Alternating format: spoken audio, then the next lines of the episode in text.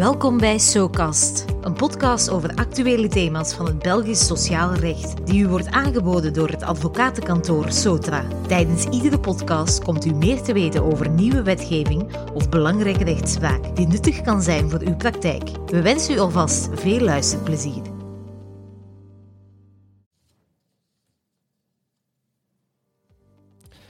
Hallo, mijn naam is Karel de Vloo, advocaat bij het advocatenkantoor Sotra. Ik heet jullie graag welkom voor een nieuwe aflevering van SoCast, een podcast over arbeidsrecht. Ditmaal met Johanna Verelst. Tijdens deze nieuwe aflevering gaan we het hebben over de loonindexering in België. De afgelopen weken was er in de media veel te doen over de substantiële loonstijgingen die eraan zitten te komen, door de hoogste inflatie in decennia. Waar ik het in deze podcast wil over hebben, Johanna, is het kader waarbinnen de loonindexering georganiseerd wordt en op welke manier de indexering geïmplementeerd wordt in de onderneming. Om te beginnen, heeft iedere werknemer in België recht op loonindexering en zijn de regels voor alle werknemers dezelfde? In België bestaat een automatische loonindexering voor nagenoeg alle werknemers, maar er zijn een aantal uitzonderingen. De regels in zaken de loonindexering zijn immers niet bij wet vastgelegd, maar worden bepaald op sectoraal niveau. Om te weten of de werknemers binnen een bepaalde onderneming recht hebben op een loonindexering, dient men dus de toepasselijke sectorale collectieve arbeidsovereenkomst te bekijken. Slechts enkele paritaire comité's, zoals het paritair comité 336 voor de vrije beroepen of het aanvullend paritair comité 100 voor de werklieden, voorzien niet in een loonindexering van alle lonen, maar enkel in de indexering van de sectorale minimumlonen. Nu, buitenlandse ondernemingen met een vestiging in België zijn vaak verbaasd over de loonstijgingen die in 2022 zullen doorgevoerd worden door het indexatiemechanisme. Kennen andere EU-landen dan geen gelijkaardige regels? Het systeem van de automatische loonindexering is inderdaad vrij uniek in Europa. Er zijn maar een zevental andere EU-landen die ook een dergelijk systeem hebben. En het Belgische systeem is veruit het meest uitgebreide systeem, aangezien bij ons nagenoeg alle lonen van alle werknemers in de privésector worden geïndexeerd. In landen die geen automatische loonindexering kennen, zijn er natuurlijk ook loonstijgingen. Maar die worden vaak doorgevoerd via collectieve onderhandelingen tussen werknemers en werkgevers. De correctie op de inflatie wordt in die landen doorgaans dan ook wat trager doorgevoerd dan in België. Oké, en hoe werkt de loonindexering nu concreet? Wanneer worden de lonen geïndexeerd? Wel, de indexering wordt gebaseerd op de zogenaamde gezondheidsindex. Dat is het nationale indexcijfer van de consumptieprijzen, exclusief producten zoals tabak en alcohol, die schadelijk zijn voor de gezondheid. Men kijkt naar het viermaandelijks glijdend gemiddelde om toevallige schokken in de gezondheidsindex uit te sluiten. Dus er wordt steeds gekeken naar de gemiddelde stijging van de gezondheidsindex van de afgelopen vier maanden. Klopt. Het moment waarop het loon effectief geïndexeerd wordt, hangt af van sector tot sector. Er bestaan grosso modo twee systemen. In het eerste systeem worden de lonen geïndexeerd wanneer de spielindex overschreden wordt. Deze spielindex maakt sprongen van 2% en dus worden de lonen aangepast wanneer de spielindex van 2% wordt overschreden. Soms voorziet een sectorale regeling in een wachttijd, zodat de overschrijding van het spilindexcijfer pas uitwerking heeft in de tweede maand volgend op die van de overschrijding. Andere sectoren voorzien dan weer in dat het spilindexcijfer moet overschreden worden door het gemiddelde van twee maandelijkse indexcijfers. Er zijn dus veel mogelijkheden om te bepalen wanneer de lonen geïndexeerd worden. In het tweede systeem gebeurt de indexering op vaste tijdstippen. Maandelijks, tweemaandelijks, driemaandelijks, viermaandelijks, halfjaarlijks of en dit komt het meeste voor jaarlijks.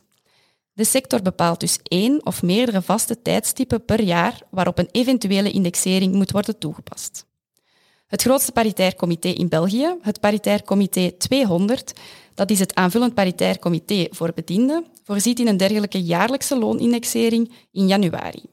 In januari 2022 bedroeg de indexering 3,58 procent. Dat is al best veel en de huidige prognoses zijn dat dit in 2023 6,67 procent zou kunnen zijn.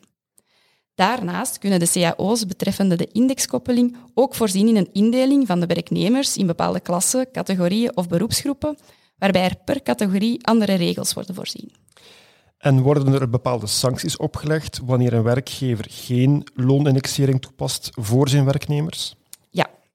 De werkgever die zich niet houdt aan de voorgeschreven indexatieregels kan gestraft worden met een sanctie van niveau 2, zoals bepaald in het Sociaal Strafwetboek. De werkgever kan dan een administratieve boete opgelegd krijgen gaande van 200 tot 2000 euro of eventueel een strafrechtelijke boete van 400 tot 4000 euro. Deze boete zal vermenigvuldigd worden met het aantal te, wer te werkgestelde werknemers door de werkgever, met een maximum van 100 werknemers. Daarnaast kunnen de werknemers, indien de werkgever de indexering niet tijdig doorgevoerd heeft, een rechtzetting van het loon vragen, waarbij de indexering in principe retroactief tot vijf jaar terug kan worden toegepast. Nu, ik kan me inbeelden dat sommige werkgevers goed presterende werknemers een loonsopslag willen geven, maar tegelijkertijd op dit moment terughoudend zijn om dat te doen omwille van de hoge inflatie. Wat raad je werkgevers aan in dit verband? In beginsel kan je als werkgever bepalen dat een loonsverhoging reeds toekomstige indexeringen omvat. Uiteraard gaat dit enkel over loonstijgingen die volledig discretionair zijn en die niet, niet reeds verplicht zijn op basis van wettelijke, reglementaire of conventionele afspraken. Deze voorwaardelijke loonstijging moet ook goed omschreven worden om nadien discussies te vermijden. Nadien argumenteren dat het loon van een werknemer niet wordt geïndexeerd omdat hij of zij recentelijk een loonsverhoging heeft ontvangen, is daarentegen niet mogelijk.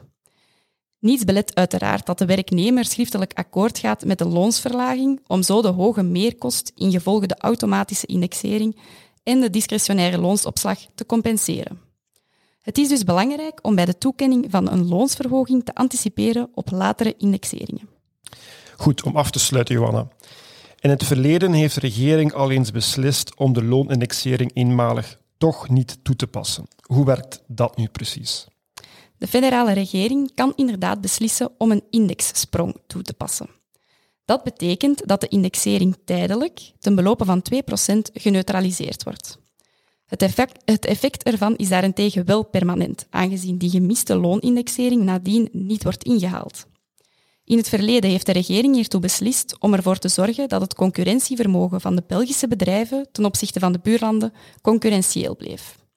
De werkgeversorganisaties vragen nu ook weer voor een indexsprong, omwille van de enorme extra loonkosten die de indexeringen van 2022 met zich zullen meebrengen.